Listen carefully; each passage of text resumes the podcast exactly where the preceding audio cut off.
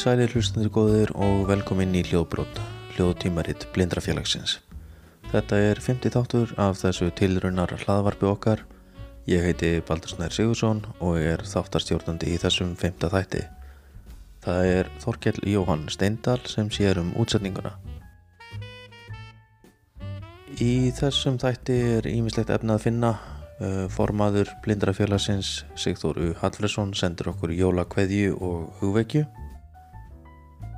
Þorkell kíkti á jólaskemtununa í Blindrafélaginu sem var haldinn 30. november 2019 en það er sjóðurinn Blindbörn á Íslandi sem stendur fyrir skemtununni. Ég spjallaði við Steinunni Sævarsdóttir, félagsráðgjafa hjá miðstöðinni, en hún er starfsmæður mánadarins að þessu sinni. Við fáum svo að heyra jólakveðjur frá framkvæmdastjóra félagsins og öðrum félagsmönnum. Þorkell og leiðsuguhundurinn Gaur heldu upp á eins árs ammæli fyrir stuttu.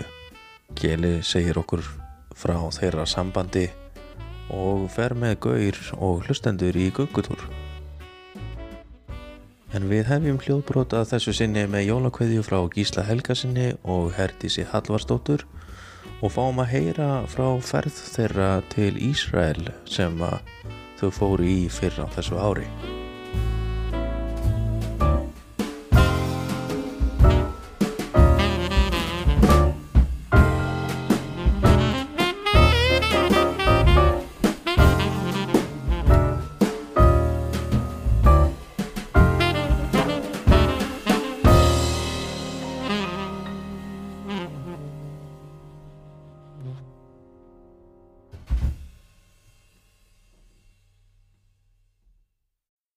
Komið sælblessuð, það er Gísli Helgarsson sem talar.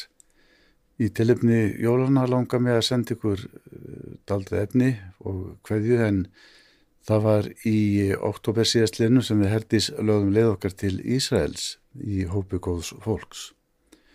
Og náttúrulega verið leg við okkar allan tíman, það hittin fór allar niður fyrir 40 stík til dæmis þegar við fórum að dauðahafinu sem er 420 metra undir sjámáli þá var hitin þar um 43 stig í fossælu.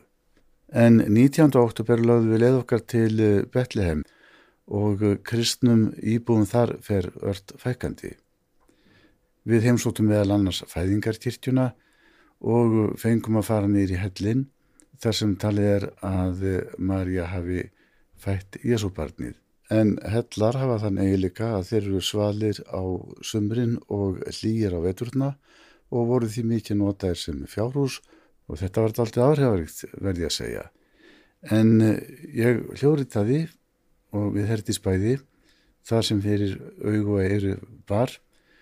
Við vorum með lítið hérna, Viktor Strím tæki með okkur þannig að hljóriðturinn gæti verið betri en mér langar að lefa okkar að heyra þessa hljóriðtun sem við gerðum í fæðingarkirkjunni í Betlehem 19. oktober síðastliðin. Það er ekki komið jól hjá okkur þannig en það er 19.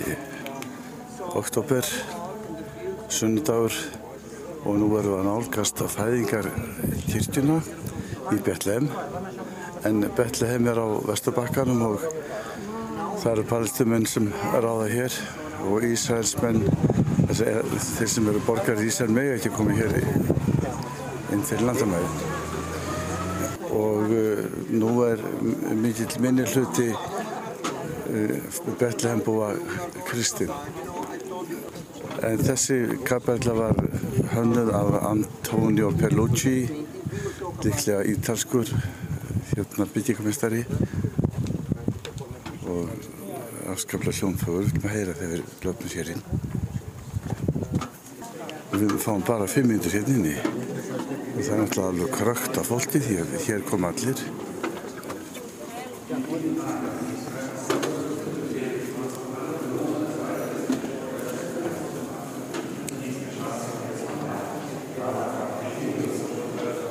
Þess hún er svona eiginlega kringlót, hún er höfð eins og hellir. Og það því að eitthvað að gera með að fjárhyrðarnir voru í hellum. Svo eru list, list, listaverk hér, maður sér engillina koma, koma á þann að heimni og, og fjárhyrðarnir uh, vera hendur fyrir augu því að það er svo mikil byrsta sem fylgir englinum og svo eru róllöfnar í haga hjá þeim.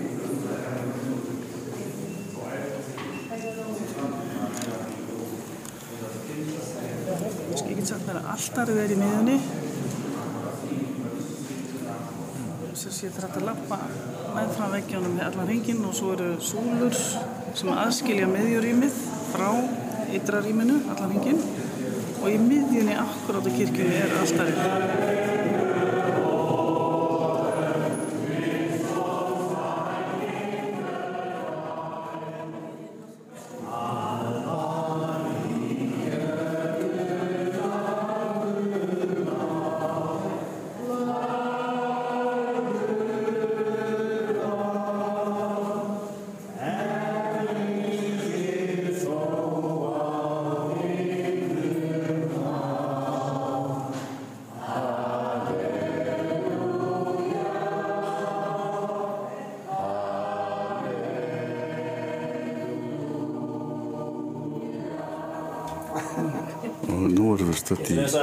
Hellinum From uh, þar sem uh, Marja fætti Jésu Krist þetta er afskafla fallið En í sömu grind voru hyrðar úti í haga og gættu um nóttina hjarðar sinna. Og engil drottin stóð hjá þeim og dýr drottins ljómaði kringum þá. Þeir eruðu mjög hrættir. En engillin sagði við þá, verið óhrættir, því sjá ég bóða yður mikinn fögnuð sem veitast mun öllum líðnum. Yður er í dag frelsari fættur sem er Kristur drottin í borg Davíds. Og hafið þetta til marks. Þér munu finna ungbarn reyfað og liggjandi í jötu. Og í sömu svipan var með englinum fjöldi himneskra hersveita sem lofuðu Guð og sögðu. Dýrð sé Guði í upphæðum og friður á jörðu og velþóknun Guðs yfir mönnum. Þegar englarnir voru farnir frá þeim til himins sögðu hyrðarnir sín á milli. Förum beint til Betlehem að sjá það sem gest hefur og drottin hefur kunngjört okkur. Og þeir fóru með skyndi og fundu Maríu og Jósef og ungbarnið sem lá í jötu. Þegar þeir sáu það, skýrðu þeir frá því er þeim hafi verið sagt um barn þetta. Og allir sem heyrðu undruðust það er hyrðarnir sögðu þeim. En María geymdi allt þetta í hjarta sér og hugleiti það. Og hyrðarnir snéru aftur og verksumuðu Guð og lofuðu hann fyrir það sem þeir höfðu heyrt og séð. En allt var það eins og þeim hafði verið sagt. Thank you. Það var sér að Magnús Björnsson, prestur í Reyðhóls prestakalli sem las Jóla Guðspjallið þarna niður í hellinum og það var mjög áhrifa mikið að heyra þetta þar.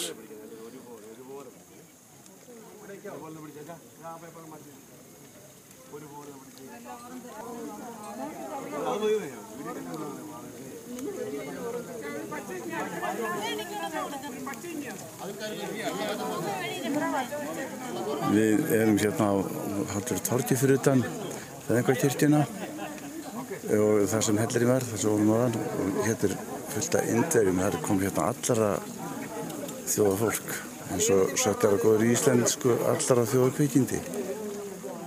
Kæru vinir, með þessari litlu hljóðmynd langar okkur herdísi að senda okkur hugheilar jóla og nýjáskveðjur og þökkum góð samskipti, vináttu og allt sem við höfum átt saman að selda á liðnum árum.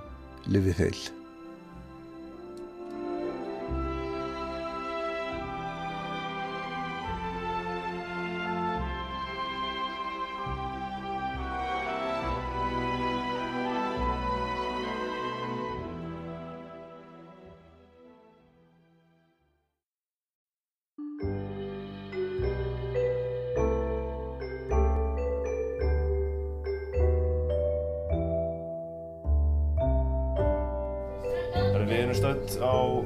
Jólaskemmtun.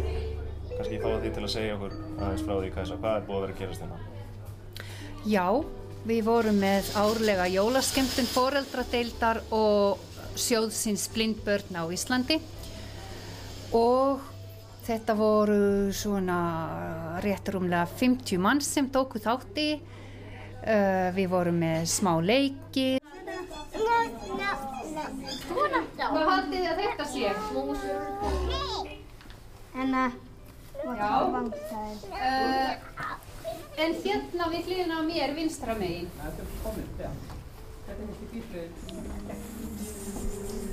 Smá föndur.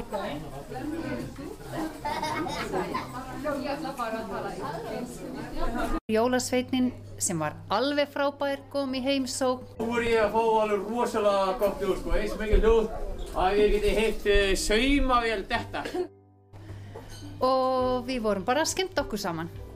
Svona gerum við en við tegjum okkar flott, snemma á miðvikudagsmorgni.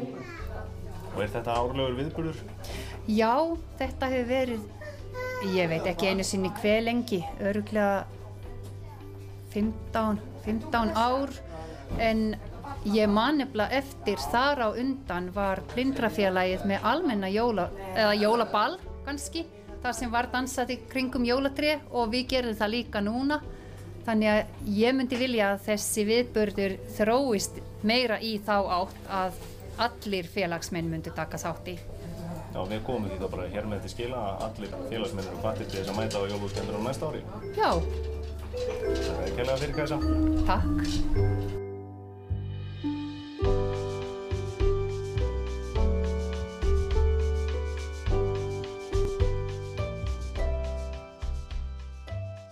Hvað segir Ertu búin að vera á jólaskemmtur? Já, Og hvað er búið að gera? bara við vorum að föndra músast eða við vorum að borða fyrst og svo einhverjir leikir og svo, fer, og svo í miðjum föndri með músastega þá kom æ, jólasveitnin og svo fannum við að dansa í kringum jóladrið eða eitthvað. Og hvaða jólasveitin var þetta? Hérna, askastleikir. Og fegstu nammi hjá honum? Já, já. Ég fekk ekki neitt nammi, mér finnst það svolítið ósangjant. Nei, eiginlega sko, það átti eiginlega að mata þig. Er það? Heldur það kannski að ég hef ekki fengið neitt nammi þegar ég er búin að vera svo óþekkur? Nei, það var bara að mata þig. Já, ok. Og er þetta búið að vera skemmtilegt? Já. Já, ég held ég sé bara sammálaðir í þín. Nei, þú ert alltaf samanlægum. Allavega þér. Alltaf hætt. Ok, ég skal hætta. Takk að þið fyrir. Já, heyrðu, þú verður að segja mér hvað það heitir. Ha? Þú verður að segja mér hvað það heitir. já. Auðvitað. Kristina. Sæl, Kristín. Takk fyrir spjallið. Bless.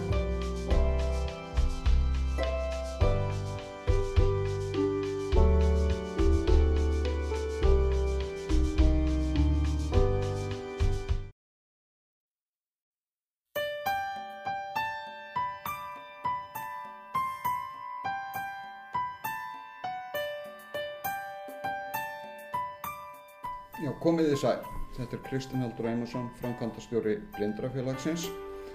Ég vil fyrir hönd all starfsfólk Blindrafélagsins færa félagsmönnum og fjölskyldum þeirra bestu óskir um gleðileg jól og farsældar á komandi ári á samt því að það er ykkur kærar þakkir fyrir ánægilegt samstarf á liðnum tímum. Lifið heil!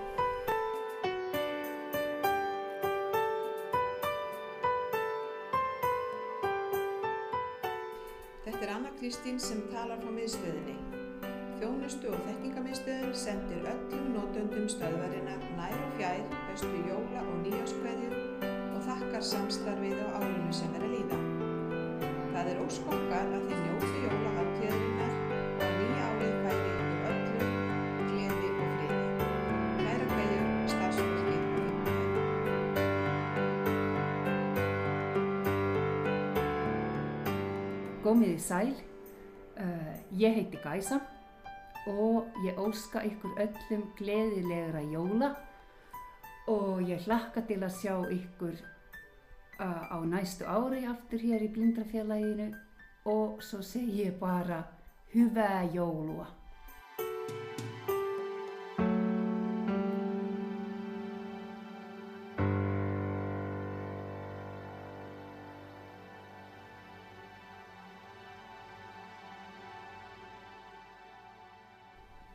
Jólakveð til allra úr eldhúsinu. Já, komið í sæl, Kjartan heiti ég, vinn hérna á vinnustofunni, ég vil senda ykkur hugheila og jóla og nýjáskveðir. Takk.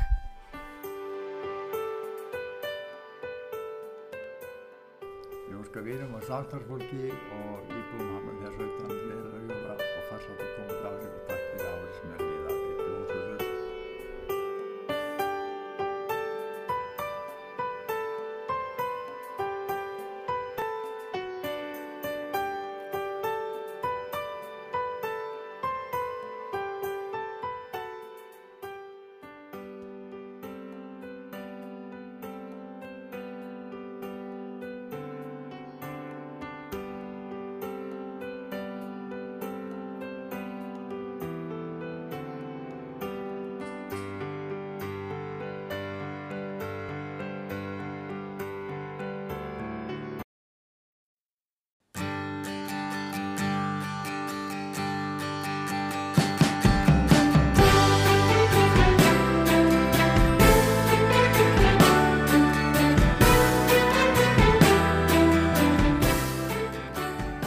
Steinun Sævarsdóttir er félagsrákjafi hjá þjónust og þekkingarmiðstöðinni fyrir blind og sjónskerta og hún er starfsmæður mánaðarins hjá okkur af þessu sinni. Takk fyrir að setjast niður með mér, Steinun. Og lítið. Hvað er þú búin að vinna lengi hjá miðstöðinni? Ég er búin að vera í sjö ár, byrjaði semst 2012. Og, og uh, byrjaði þá sem félagsrákjafi? Já. Já. Þannig að þú hefur langar reynsli í þessu starfi? Já, ég hérna, er semst búin að starfa sem félagsrákjafi síðan 2006.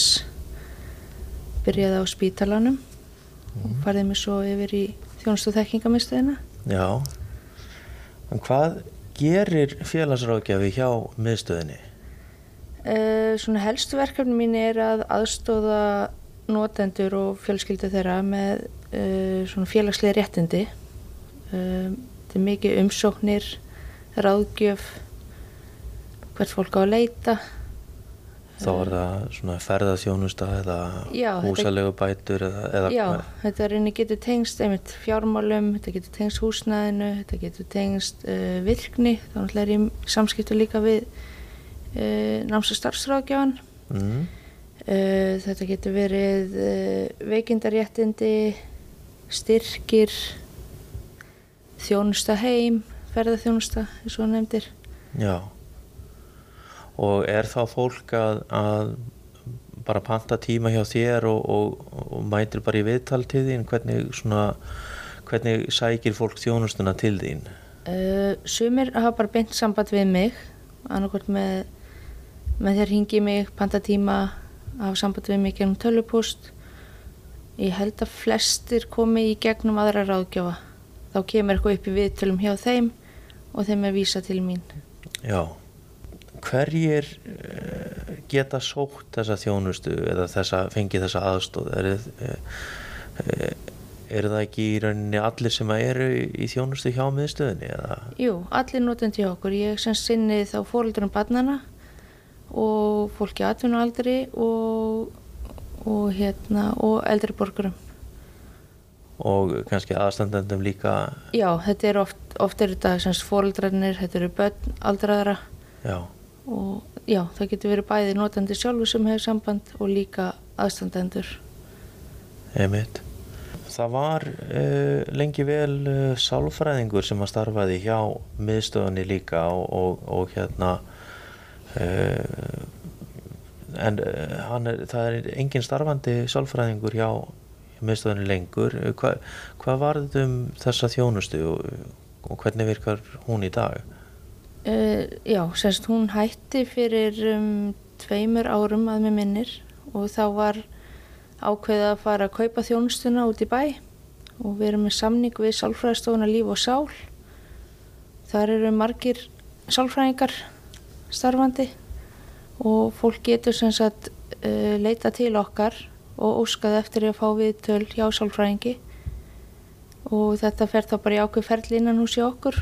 Og þegar búið er að samþykja þá sendum við beðinina í sálfræðstofuna sem að tekur þá í rauninni viðtölinn sko eða sérum viðtölinn Þannig að fólk getur fengið bara útluta tímum hjá sálfræðingi til að tala við. Já, Ég eh, nefnilega veit þetta helst svolítið í hendur að það, að það eh, við erum nú að koma inn í þennan tíma og, erum kannski inn í honum miðjum þar sem að skamdið er hvað mest og, og, og hérna mörgum er þetta erfitt en, en og það er mikil gleði oft í kringum hann, það eru jólin eru að koma og, og, hérna en uh, margir glíma við til dæmis skamdegins tunglindi eins og ég hef sjálfur gert í mörg ár og ég veit að margir einstaklingar glíma við einmannaleika á þessum tíma og hérna og þá uh, leitaði ég einmitt til aðstofmiðstöðurinnar og, og hérna ég vænti þess að þið eru þá að taka fél á móti þessu fólki líka sem er kannski að glíma við einhver svona vandamála þessum ástíma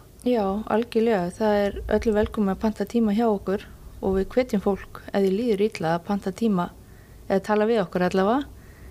Og við reynum að finna þá bara þá laus sem að hendar hverjum að einum.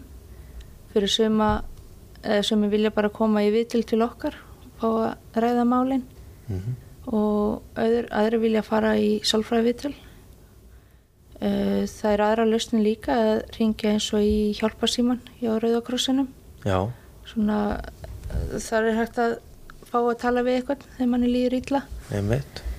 Er, þeir eru með síman 1717 já, og, og það er frítt að ringja þangað og, og, og þú getur ringt í alla daga ársins og, og í rauninni alla allar hérna klukkustundir dagsins og nætur, það er opið þarna allan sólaringin og það er líka, þeir bjóða upp á netspjall fyrir þá sem vilja á 1717.is já, og þetta er auðvitað allt saman trúnaðar upplýsingar og, og, og fólk við, ég segi eins og þú, ég hvetu auðvitað alla sem að sem að finna fyrir einhverjum einmjönuleika eða erfileika eða kvíða eða einhverju að, að endilega það er alltaf gott að tala við eitthvað já, algjörlega. Og eins líka bara á öllum ástíma sko.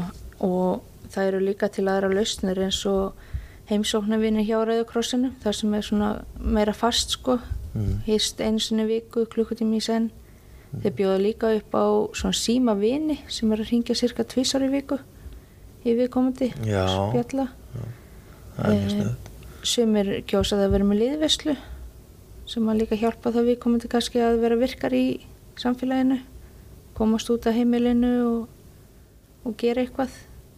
Já, það, og, og það getur verið bara allt frá því þess að fara út í búð eða já, út í búð, kaffihús, göngutúra. Mm, uh, ég vil vera með þetta sem svona aðstofmann í fara á fundi, fyrirlestra uh, upp á fjöll.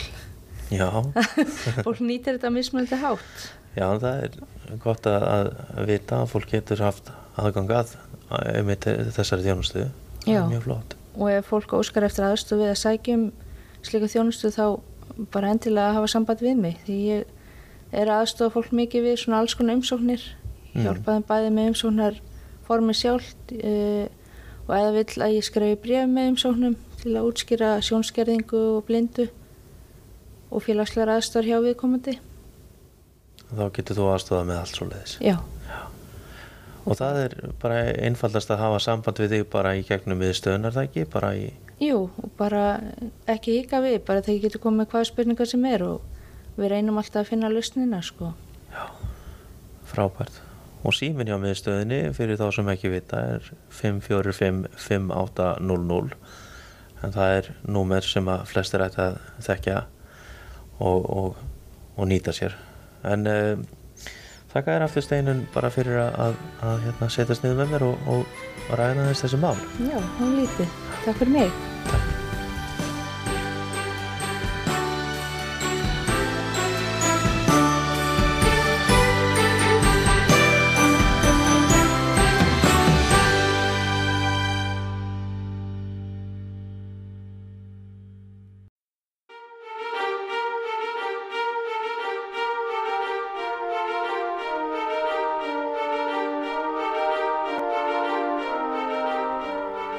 Þann 18. november síðastliðin fögnuði ég, Þorkell Jón Steindal og leðsöfundur minn Gaurlugur Guðvarður Þorkelsson Steindal, betur þekktur undir narninu Gaur, átján mánaða starfsamali. Og ég tilminna því langaði mig til að segja hlustundum hljóðbróts aðeins frá þessu ferli og hvaða áhrif það hefur haft á mig og Gaur. Nú, Gaur er alin upp fyrsta ára æfisinnar hjá fósturfjölskyldu út í Svíþjóð, þar sem að lögður áhersla á að einbreyta hjá honum Guðsóta og góða síði Því næst fer hann í leðsuhundaskóla sem að tekur ár, svo er hann ruslað upp í flugvil, flóið til Íslands og eftir fjögra vikla sótt hví fæ ég hann síðan í hendunar.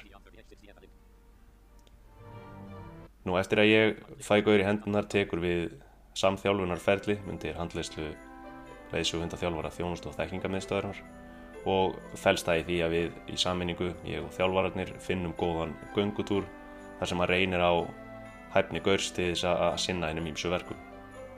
Og hann þarf að finna gangstættabrúnir, hann þarf að finna stöyra, hann þarf að finna gangbrautir, hann þarf að finna ruslatunur og ímsa aðra hluti sem að hjálpa mig til þess að bera kjensla á hvað ég er í umhverfinu og geta þar að leiðandi átta mig betur á því hvert við erum að fara. Nú þetta voru tíu dagar þar sem við fórum í þrjárferðir daglega með leysi hundathjálfurunum og fórum í gegnum þetta ferli.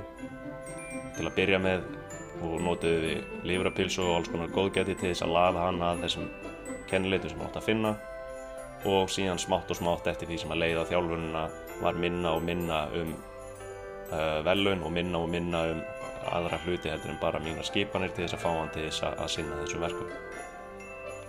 Nú við gaururum einstaklega hefnum við það að við fældum strax skap saman og höfum verið miklu vini strax frá byrjun og erum það hefnir að ég á tilturlega auðvilt með að skilja hvað hann er að reyna að segja mér og hann á tilturlega auðvilt með að hlýra því sem ég segja Nú það sem að mér hefur kannski þótt mesta áskorunin í því að vera með þessa blæsuðu skeppnu er það að fyrstu vikurnar að, að þá líku við að ég hafi grátið mér í söfn á hverju nótu yfir hvað ég var hræðileg manneska því að það er mjög nöðsynlegt að halda mjög stífum aga á dýrunum þegar þau eru í vinnunni það eru mjög skýr skil á milli þess að vera í vinnunni og að vera bara vennilegur hundur. Þannig að þegar Gaur er vennilegur hundur þá eru við bestu vinnir og, og allt annar andi sem svífur yfir vötnum heldur en þegar hann er í vinnunni. Þegar hann er í vinnunni þá er ég orðin atvinnaveitandi og hann er orðin starfsmæður minn og þá þýðir ekki að vera með neitt múður. Ég held að það sé eitt af því sem að fólki hættir til að gera með þessar blæsuðu skeppnur og það er það að persónu gerfa þær og álíkta sem svo að það eigi að nota sömu aðferðir við eiga samskiptið þá eins og við notum til þess að eiga samskiptið við hvert annað. Þetta er alls ekki rétt. Hundar eru ekki fólk. Og ef við kemum fram við hundana eins og við kemum fram við hvort eða annað, þá eru þeir óöryggir og kvíðinir og það myndi enda í tómri vitlisu. Þeir þurfa að hafa mjög stífan aga við þurfum að vita til hvers er ætlastæðin og hver mörkin eru.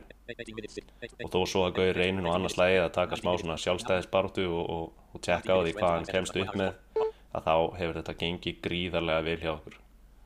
Að við erum miklu vin, miklu vinir og berum virðingu hver fyrir öðrum og við hefum eiginlega komist að þeirri niðurstöðu að sé langt best að við séum bara báður eins góði kallar og mögulega hægtir og þá gengur samstarfið okkar vel. Ef að ég passu upp á það að gaur fái að sprikla og, og láta svo fíbl og, leika sér og hamast. Fái nóg að borða, sé knúsaður og klappaður að þá stendur hann sig undantekningalauðst vel í vinnunni. Þannig að þetta er tvílega samningur sem við hefum gert okkar á milli.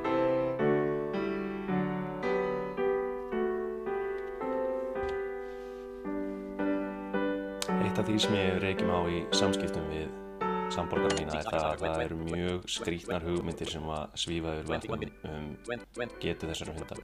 Sumni vilst halda að þetta séu algjör ofur dýr og það eina sem maður þurfa að gera er að segja um hvert maður vil fara eða hvað maður vanti og þá fari hann að sjá um þetta og oft ef ég fengi spurninguna já, hann sér nú bara algjörlega um þig, er það ekki?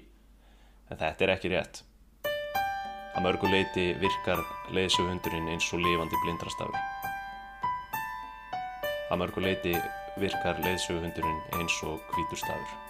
Ég sem notandinn þarf að vera algjörlega með þá hreinu hvert við erum að fara hvað við erum að fara að gera og það er umverulega mínar skipanir sem að stýra því hvað hundurinn gerir.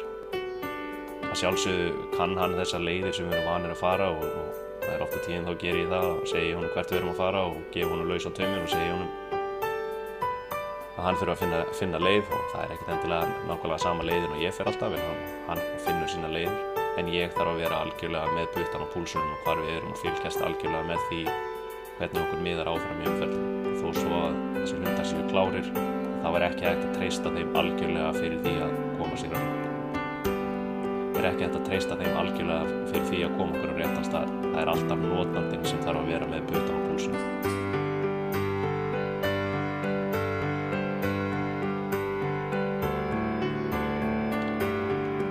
saman til þess að gefa fólki smá einsýnin í það hvernig það er að vera með þennan hund. Hef ég tekið upp göngutúr sem fór mínum daginn og þennan göngutúr hef ég tekið upp með svo kallaði bineural-tækni sem að þýðir það að þeir sem hafa gaman að slíku getur skellt á sig heyrntólum og þá heyra þeir frá mínum punkti hvernig það er að labba með hundin þá heyrum við hljóð í þrývítunum þannig að ef einhver hefur gaman að því þá endilega skella á sig headphone-unum og hlusta á það sem að eftir fyrir Núna heyrist ég okkur gaur finna liftuna í hamra liðinni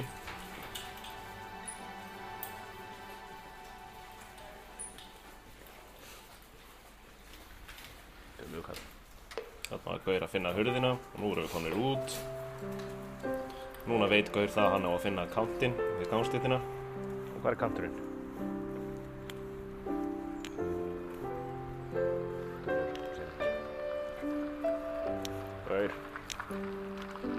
Er svolítið erfitt að einbytta sér.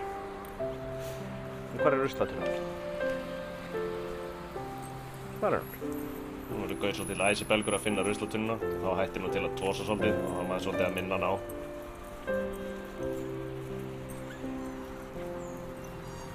Hvað er ruslatunum?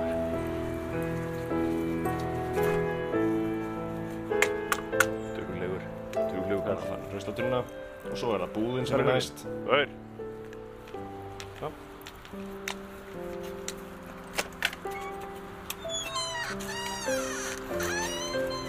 Kvöldið. Gaurinn og öllum hnútum kunnugur hér í búðinni og veit alveg hvert hann á að fara. Nefna hvaða nú stendur fólk fyrir okkur við afgriðsluborðið Já, þetta ágrættu borðið. Gaur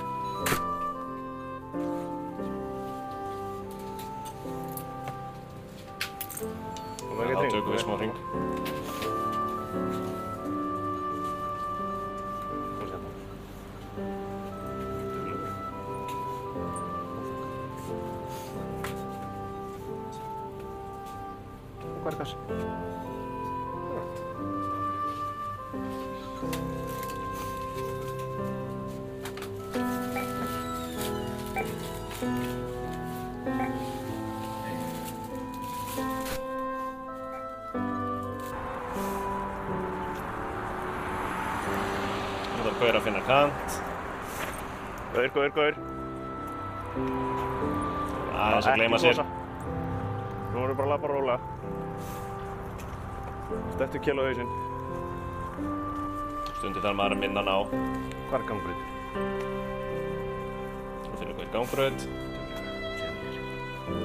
og þar stoppar hann og svo förum við yfir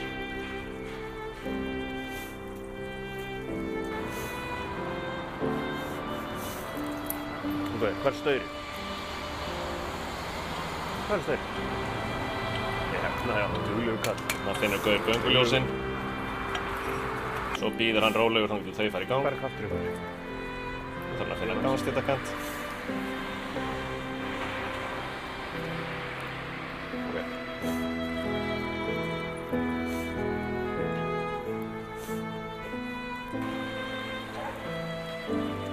Stundum er erfitt að einbytta sér. Það heyrir í öðrum hundum og svona. En hann er ótrúlega duglegur við það að taka við sér því ég minna hann á heyrum við hundinum í bakgrunnum Gaur, ekki tósa. Við erum komið á vitabarkur. Þar hefur Gaur nú komin á þér Nei, við erum ekki að missa strætó. Nú er Gaur svolítið Nú er Gaur svolítið æsibelgur því að hann veit það að þegar við förum á vitan að þá fær hann hambúrgara Já, stiltu því í gleðinni.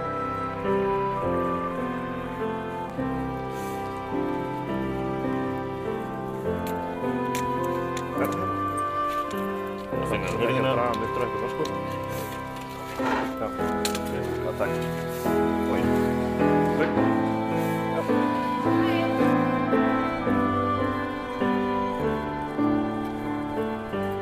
Svo hvað ég skella henn og Brynja því að hljómaði svo vel að heyra í bjöllunum í Hallgrímskirkju.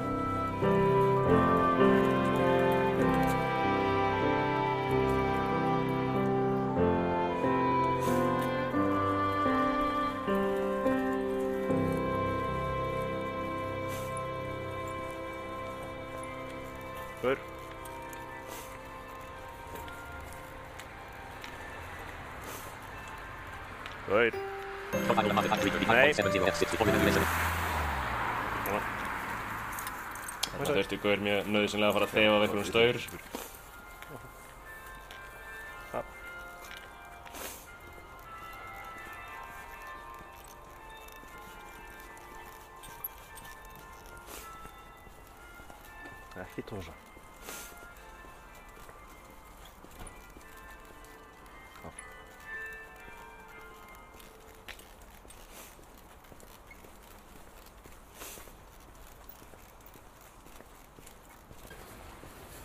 Leikur leiðin er á laugaveg. Það finnst Gaur mjög gaman því að þá þarf maður að siksaka á milli skilta og túrista og alls konar hindrana. Þar er hann alveg í essinu sín.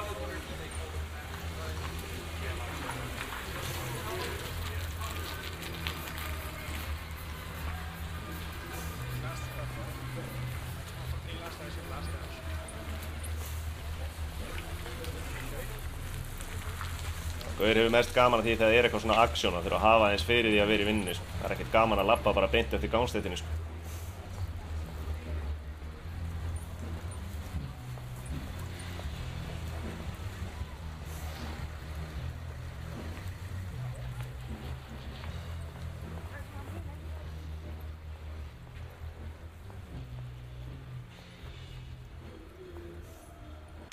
Ég heyrum að Airwaves er að byrja.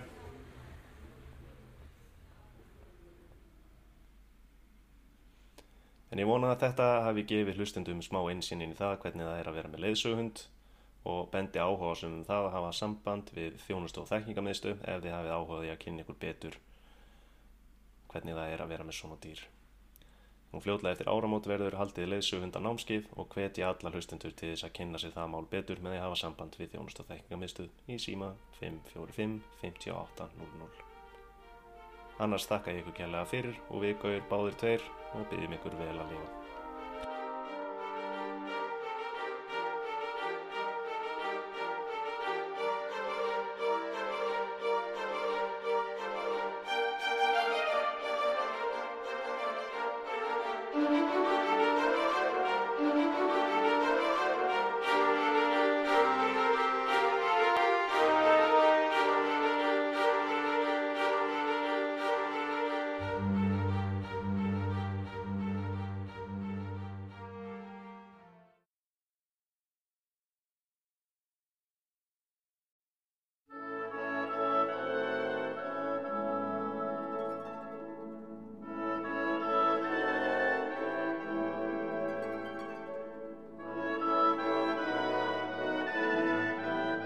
Að vera svo lánsamur að eiga góðar minningar er meira virði en margur gerir sér grein fyrir svona dagstaglega en það er svo auðvelt að gleyma því góða í dagsins önn og amstri og tapa sjónum á því sem gleður og glæðir lífið von og indi. Þegar haustar og dagarnir stittast leggst vetrarmyrkrið yfir landið okkar og náttúran dregur sig í hlýja.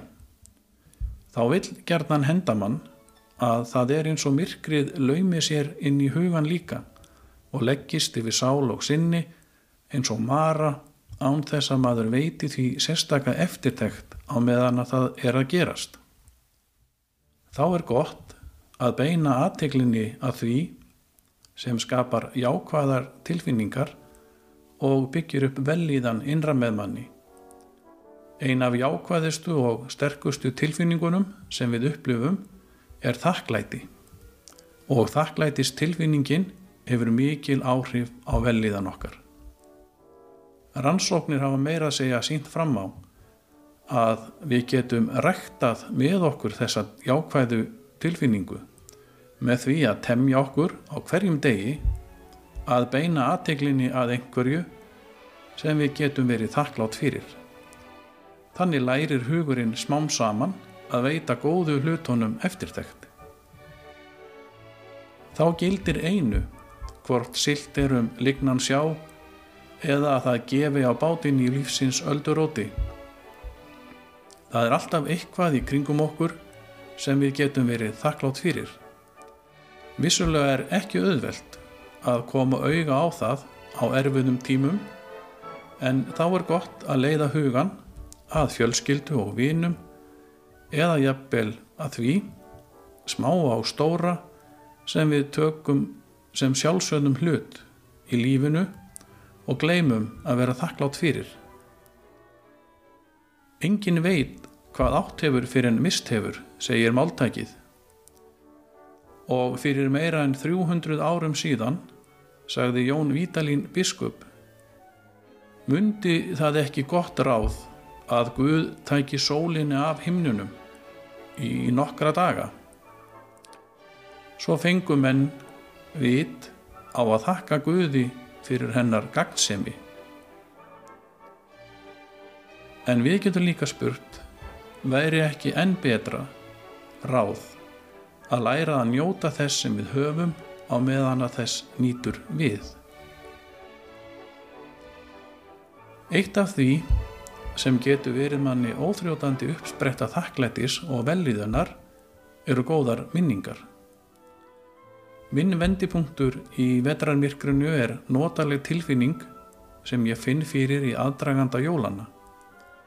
Í æsku var þessi tilfinning meira tengd tillökkun og spennu en eftir því sem árin líða hefur hlýja og vendum þykja tekið yfir. Ég hef ekki átt að mig á því fyrr en nú að þessi tilfinning byggir á djúbstæðu þakklæti. Mér verður hugsað með þakklæti til fjölskylduminnar, foreldra, sístkina, afa og ömmu sem öll hafa búið mér þessa ljúfu minningar sem vekja með mér gleði og von. Að skapa sjálfum sér og öðrum góðar minningar er fjársjóður sem lifað getur með fólki lengur en maður sjálfur. Kæru félagsmenn, hlúið að ykkur sjálfum og ykkar nánustu á aðvendunni. Vikið góðu að þeim sem vinna mega sín og hugsið til þeirra sem eiga erfitt, heimsæki þá og stiðið eftir bestu getu. Skáldi góða Einar Benediktsson orðaði þetta svo indislega fallega. Eitt brós getur dimmu í dagsljós breytt sem drópi breytir veig heillar skálar. Þél getur snúist við atlótt eitt. Aðgátt skal höfð í nærveru sálar. Á aðvendunni er gott að muna að það er ekki endilega stóru eða dýru gjafirnar sem gleðja mest eða lengst. Minningin um góða samveru, skilning og hlýju lifir með þeim sem nýtur um ókomna tíð. Kæru félagsmenn og vinir í blindrafélaginu, ég þakka ykkur samfélgina og góða samveru á afmælisárunu sem senn er að renna sitt skeið á enda. Árið var viðburðaríkt og félaginu farsælt og færði með sér margar góðar minningar sem munu ylja um ókomna tíð. Ég óska ykkur gleðilegra jóla og allarar farsældar á komandi ári megi nýja árið verða okkur öllum gæfu og gleði ríkt. Með innilegri hátíðar kveðju Sigþór Unsteinn Hallfreðsson.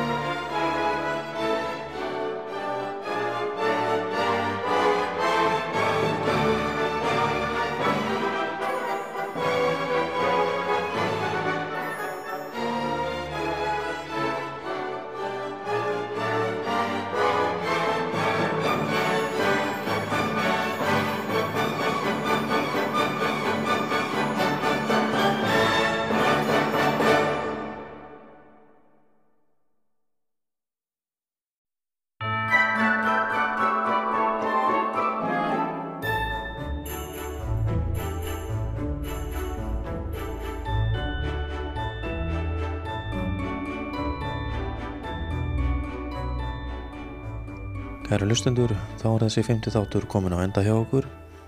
Ég vil þakka öllum sem hafa komið nálagt vinninni við hljóðbrót á þessu ári kærlega fyrir samstarfið. Þetta hefur verið skemmtilegt verkefni að fá að taka þátt í og ég vona að þið hafið haft gaman að því að hlusta. Ykkur er velkomið að koma með ábendingar um efni í þáttin eða senda mér aðtóðasemdir á netfangið baldurhjáblind.is eða hafa samband í síma 525 0000 á skrifstofu félagsins og tala beint við mig þar. Ég og Þorkell þökkum kærlega fyrir okkur og óskum ykkur gleðilega jóla og gott nýtt ár.